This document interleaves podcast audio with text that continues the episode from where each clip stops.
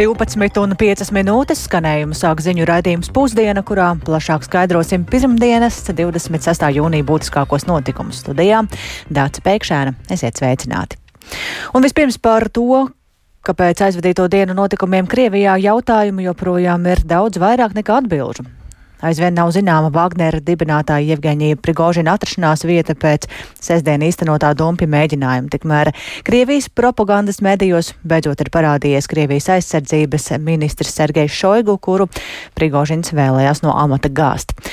Analītiķi turpina prātot, kāds varētu būt Prigožina tālākais liktenis un kādas varētu būt sekas Vagneriešu dumpim. Un ar visu jaunāko informāciju šobrīd tiešraidē pievienojas kolēģis Rihards Plūme. Sveiks, Rihards! Jā, labdien! Jāsāk laikam ar to, kāda tad ir situācija Krievijā. Nu, vairākos Krievijas apgabalos pēc plašu drošības pasākumu ieviešanas dzīve šķietami pamazām atgriežas ierastajā ritmā. Šorīt Maskavā, Maskavas apgabalā un Voroņešas apgabalā atcelts pretterorismu operācijas režīms. Nav arī ziņu, ka Maskavā būtu atcelta šodien izsludinātā brīvdiena, un lēmums par to tika pieņemts vēl pirms kļuva zināms par eh, vienošanos eh, par Vagneriešu kolonas apturēšanu. Sesdienas notikumi ir atsaukušies arī Krievijas avīžu virsrakstos un rakstos, gan, kuros gan Wagner līdera Jevgenija Prigožina seju ir diezgan grūti sameklēt.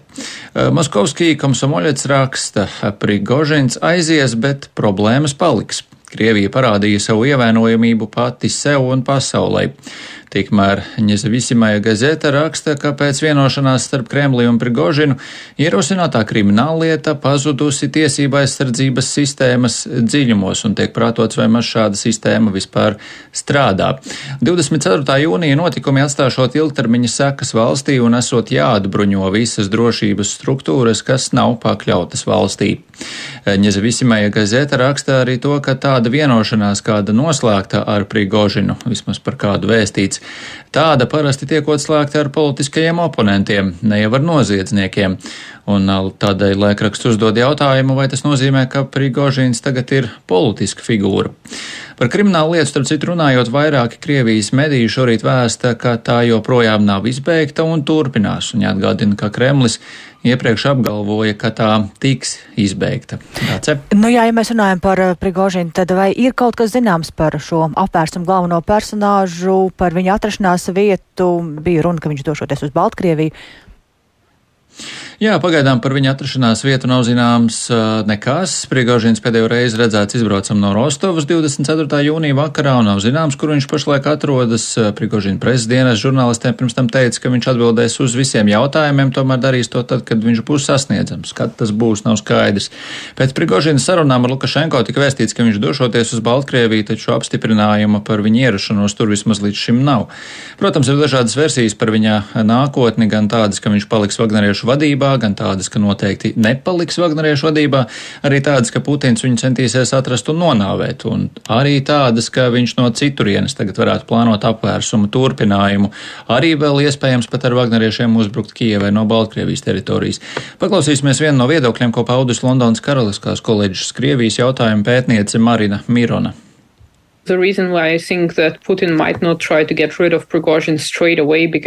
Iemesls, kādēļ es domāju, ka Putins varētu nevēlēties tikt no Prigožina vaļā uzreiz, ir tāds, ka visi šie vaļīgie gali būs jāsaval kopā, proti kādam būs jākomandē viņa vienības Āfrikā. Daļa vienību, kas ir Krievijā, varētu tikt nosūtītas atkal uz Ukrainu, bet tām, kas atrodas Sīrijā un Āfrikā, būs nepieciešams līderis un tādu, kurš varētu aizstāt Prigožinu un kuru Vagnerieši varētu klausīt, būtu grūti atrast. Tādēļ Prigožina nogalināšana tagad nesniegtu Putinam labumu ilgtermiņā. Šo iemeslu dēļ Prigožinu varbūt saglabās, līdz vietā nāks labāka alternatīva.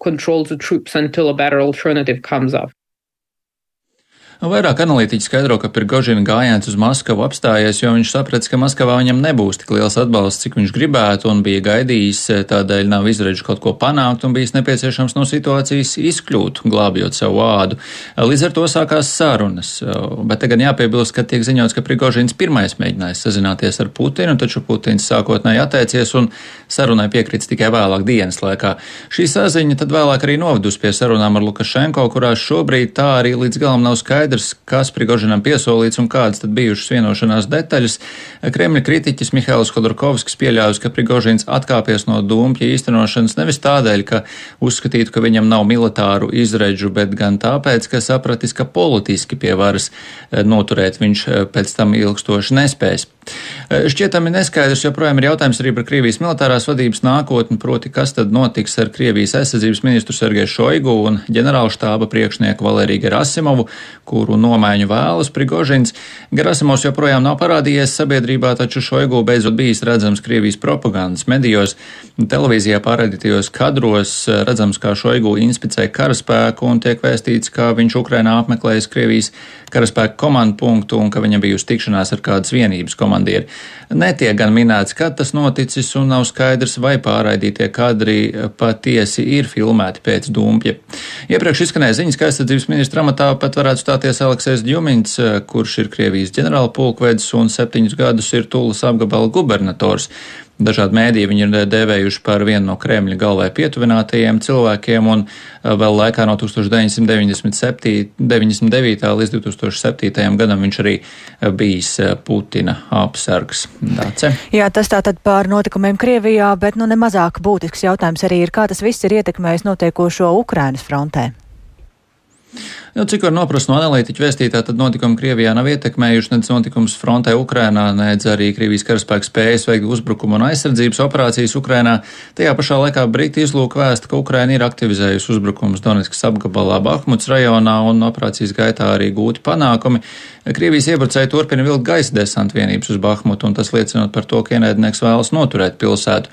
Runājot par pretuzbrukumu, Ukrainas aizsardzības ministrs Aleksijas Rezņikovs pašreizējo Ukrainas pretuzbrukumu nodēvējis par sagatavošanas operāciju un sola, ka tā būs veiksmīga, kad tā darbosies ar pilnu jaudu.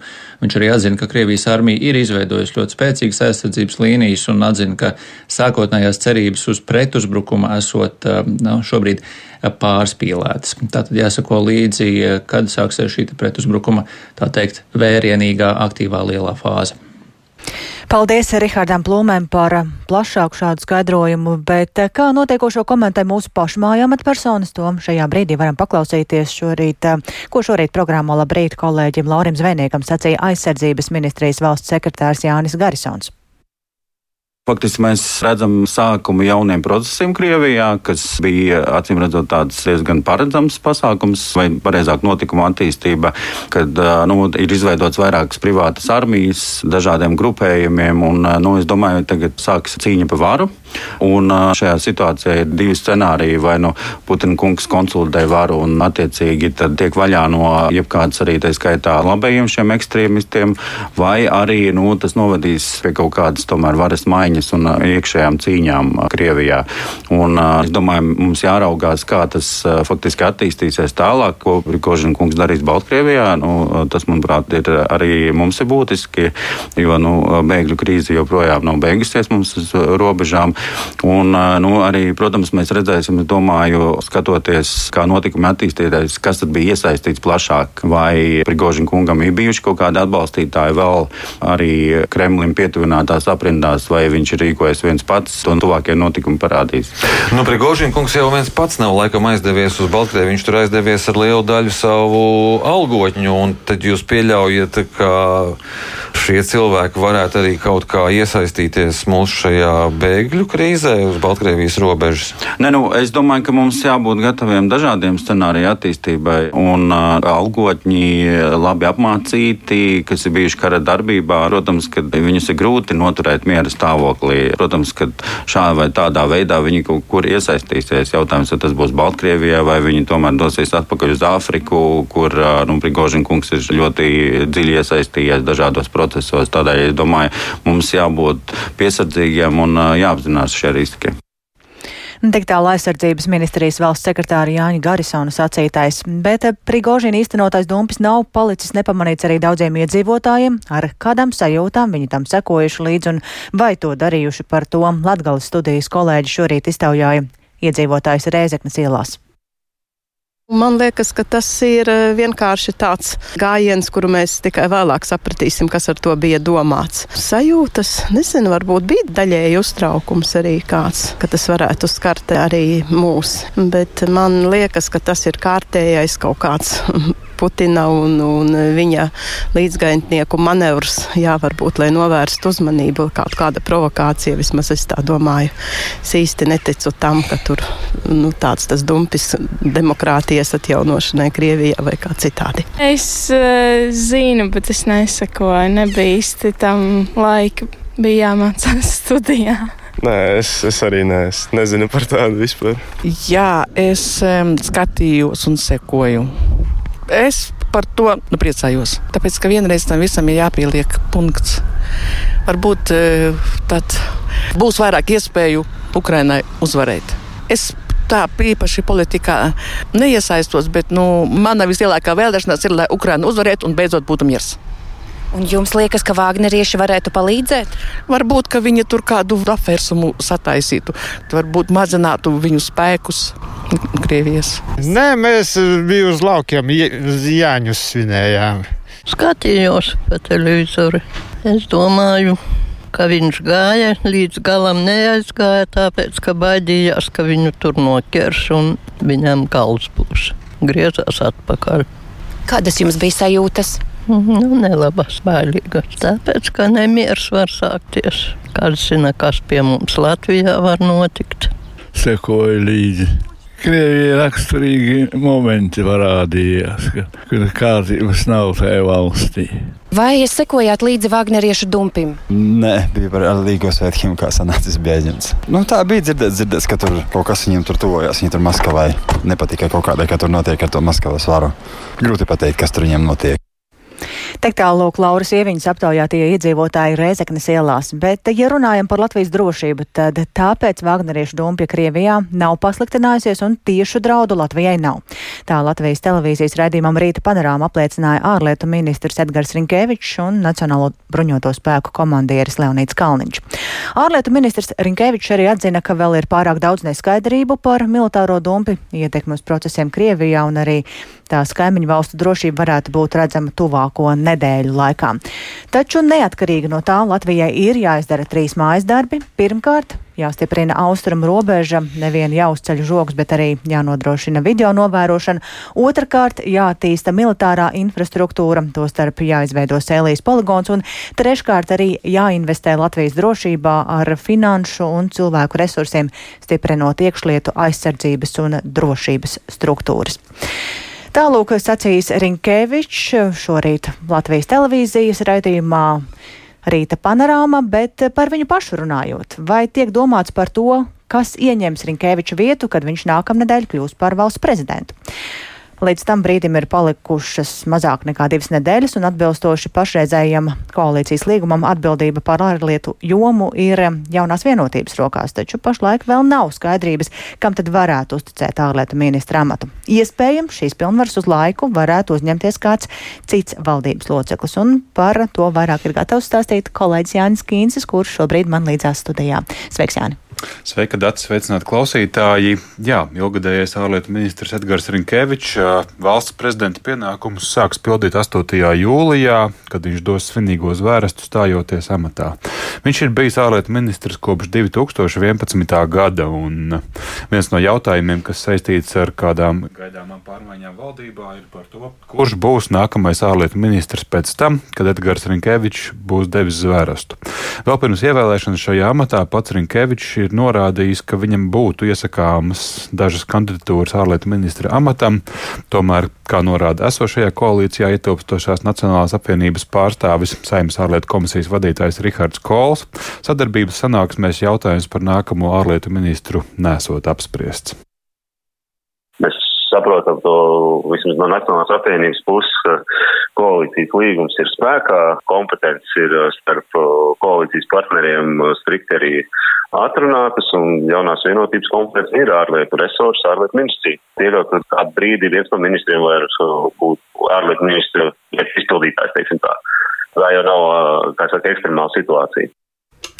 Jāpiebilst, ka tas tiešām nebūtu nekas neparasts, jo ministra kolēģis amatā mēdz aizstāt, protams, viņiem esot atvaļinājumā vai arī, piemēram, viņa prombūtnē vizītēs aiz valsts robežām.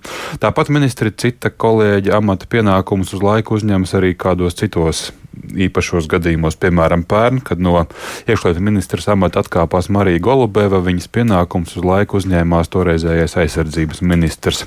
Taču pašreizējā politiskajā situācijā izmaiņas atbildības jomas sadalījumā valdībā, protams, ir saistāmas arī ar iespējamām izmaiņām koalīcijā. Pašlaik tās uh, sagaidāms, ka, ka pārmaiņas valdībā vēl tik drīz varbūt nenotiks, un tās saistāmas ar diviem notikumiem. Pirmkārt, jau minēto Edgara Rinkēviča inaugurāciju 8. jūlijā, kā arī NATO samitu Viļņā 11. un 12. jūlijā. Un, Atšķirībā no tagadējā valsts prezidenta Egila Levita, Rinkēvičs nav teicis, ka nevirzītu premjera amatam kandidātu, kurš piedāvā koalīciju ar Zaļo zemnieku savienību tās sastāvā.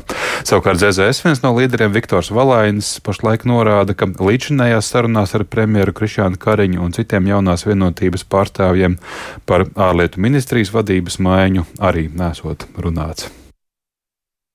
Nu, mēs esam runājuši par drošības jomu, par to, ka mums būtu jāstiprina drošības kapacitāte. Pārlieku jomu mēs neesam runājuši, bet tā ir viennozīmīgi jaunās vienotības. Viņiem šis jautājums viennozīmīgi jārisina, bet mēs vairāk fokusējamies uz tām piecām lietām, ko šobrīd ir rosinājis valdības vadītājs pārunāt, kas valdības vadītāja ieskatā kavē valsts attīstību. Nu, mēs arī to respektējam un ļoti intensīvi piedalāmies šajās sarunās, tādējādi arī mēģinot iekļaut savas idejas, kā labāk uh, šīs problēmas varētu risināt, realizēt zaļo zemnieku savienības politiku. Piebildīšu, ka pagaidām vēl neieguvu komentāru no jaunās vienotības puses par nākamā ārlietu ministra izraudzīšanu, taču par to plānoju vairāk uzzināt un izstāstīt raidījumā pēcpusdienā. Jā, paldies Jānim Kīncim par šo skaidrojumu. Tātad vairāk plašāk arī par to raidījumā pēcpusdienu un eh, vismaz pagaidām izskatās, ka tādas īstas pārliecības, kas tad notiks ar ārlietu ministru postenu un vispār ar valdību vēl nav un ar politiķiem ir gluži kā ar bitēm, nekad neko nevar zino, zināt. Bet eh, par bitēm runājot, arī tām nemaz tik labi nesokas, jo sabiedrībā valdošais stereotips, ka karsta un sausa vasara ir labvēlīga bitēm un pozitīvi ietekmē ievāktā medus daudzumu, tā īsti nemaz nesot. To atzīst biškopa Inese Zēļuka no pašas austrumu pierobežas, un viņas pusē lietas no pavasara gandrīz nesot līs, un Latgalē vasara ir sākusies ar sausumu un karstumu, bet vairāk par to Iveta Šķigānas ierakstā.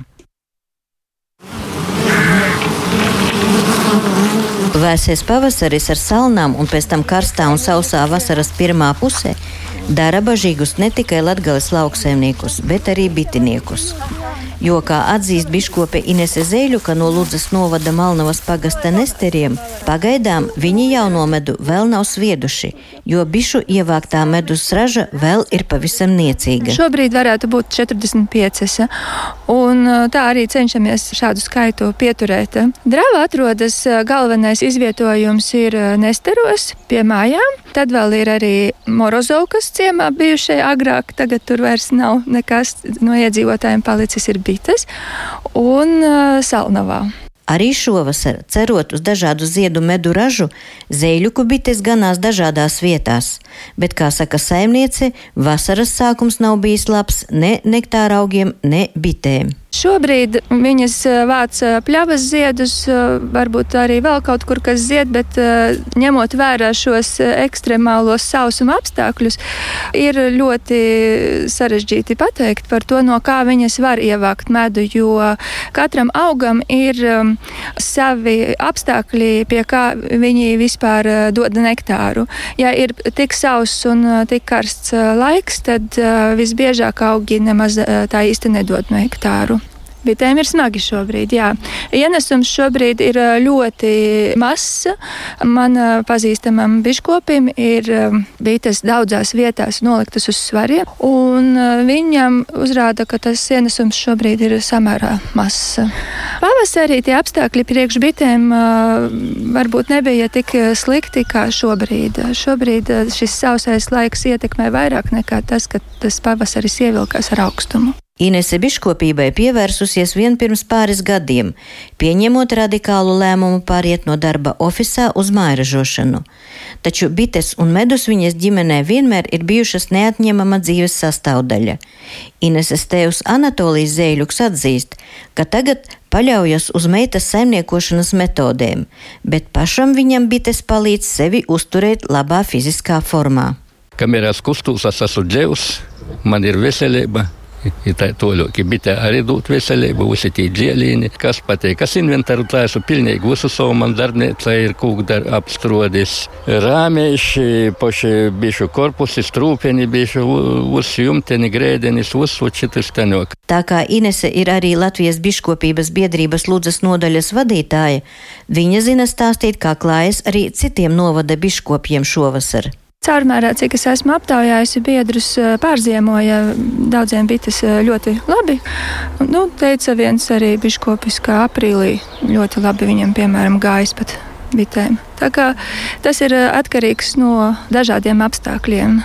Latvijas biškopju biedrības valdes loceklis Valters Brusbārdis atzīmē, ka Latvijā kopumā šīs vasaras sākums biškopiem ir bijis gana cerīgs. Taču jāņem vērā arī tas, ka laika apstākļi, no kā medus raža ir ļoti atkarīga, valsts teritorijā var pat ļoti krasi atšķirties. Mēnesis un jūnija pirmā puse bijusi labvēlīga biškopībai, Britas ir ražojuši biškopības produkciju un gan sekmīgi. Nu, atkal jāskatās, ir kāda bijusi barības bāze biškopiem, kur bišsāns ir izvietotas, tā kā respektīvi pavasarī raža pilnīgi noteikti būs laba. Vai ietekmēja salmas? Domāju, ka mums tas ietekmēja mazāk nekā tas ietekmēja citus lauksaimniekus. Bet no sezona ir vēl joprojām rit. Redzēsim, kā pārāk sezona izvērtīsies, ir ļoti sauss, un tas ietekmēs arī, protams, arī augiem spēju izdalīt nektārs, tā kā jāskatās, kāda būs tālākā sezona. Latvijā reģistrētas vairāk kā 100 tūkstoši bišu saimes, un mūsu bišu ražoto medu var nopirkt ne tikai tepat uz vietas, bet tas tiek importēts arī uz citām valstīm, kur vispieprasītākais ir liepu ziedu un grīķu medus. Tiesa šogad pēc bitinieku aplēsēm vietējā medus raža nebūs tik laba kā pēdējo gadu laikā. Iveta Čigāne, Latvijas radio studija Latgalē. Un ar to arī izskan raidījums pusdiena. Producente Ilze Agīnta ierakstus montēja Uldis Grīnbergs par labskaņu ropējās Mārtiņš Paiglis, ar jums sarunājās Dāci Pēkšēna. Vēl atgādināšu būtiskāko, aizvien nav zināma Vagner dibinātāja Jevgeņija Prigožina atrašanās vieta pēc sestdien īstenotā dumpja mēģinājuma, tikmēr Krievijas propagandas medijos ir parādījies Krievijas aizsardzības ministrs Sergejs Šoigu, kuru Prigožins vēlējās no amata gāzt. Analītiķi arī norāda, ka notikumi Krievijā nav nav ietekmējuši nedz notikumus frontē Ukrainā, nedz arī Krievijas karaspēka spējas veikt uzbrukumu un aizsardzības operācijas Ukrainā. Tajā pašā laikā Britu izlūki vēsta, ka Ukraina ir aktivizējusi uzbrukumus Donetskas apgabalā Bahmutas rajonā un operācijas gaitā Ukrainas spēki ir panākuši progresu. Pašmājās amatpersonas norāda, ka Latvijas drošības situācija pēc Vagneriešu dumpi nav pasliktinājusies, un vēl pašmājās arī Nav joprojām skaidrības, kas ieņems ārlietu ministra amatu, kad pašreizējais ministrs Edgars Rinkevičs nākamnedēļ kļūs par valsts prezidentu. Kā arī sausais un karstais laiks Latgalē apdraud medus ražu.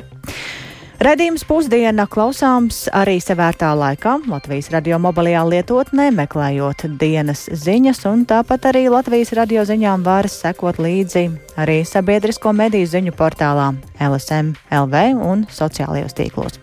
Ēterā savukārt mēs tiekamies atkal rīt.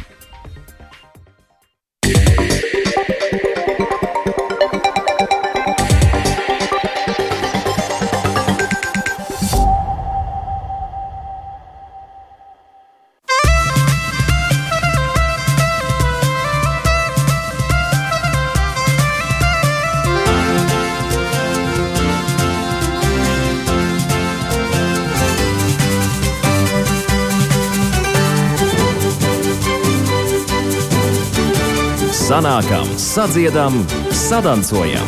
Latvijas Radio 1.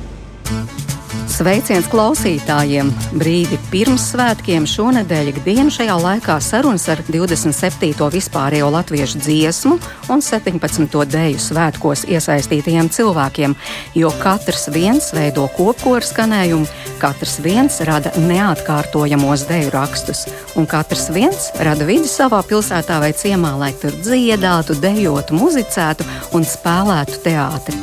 Runāsim ar visu Latvijas novadu pārstāvjiem, bet tūlīt sarunas ar vidzemniekiem. Vispirms Vitāli Kikustu.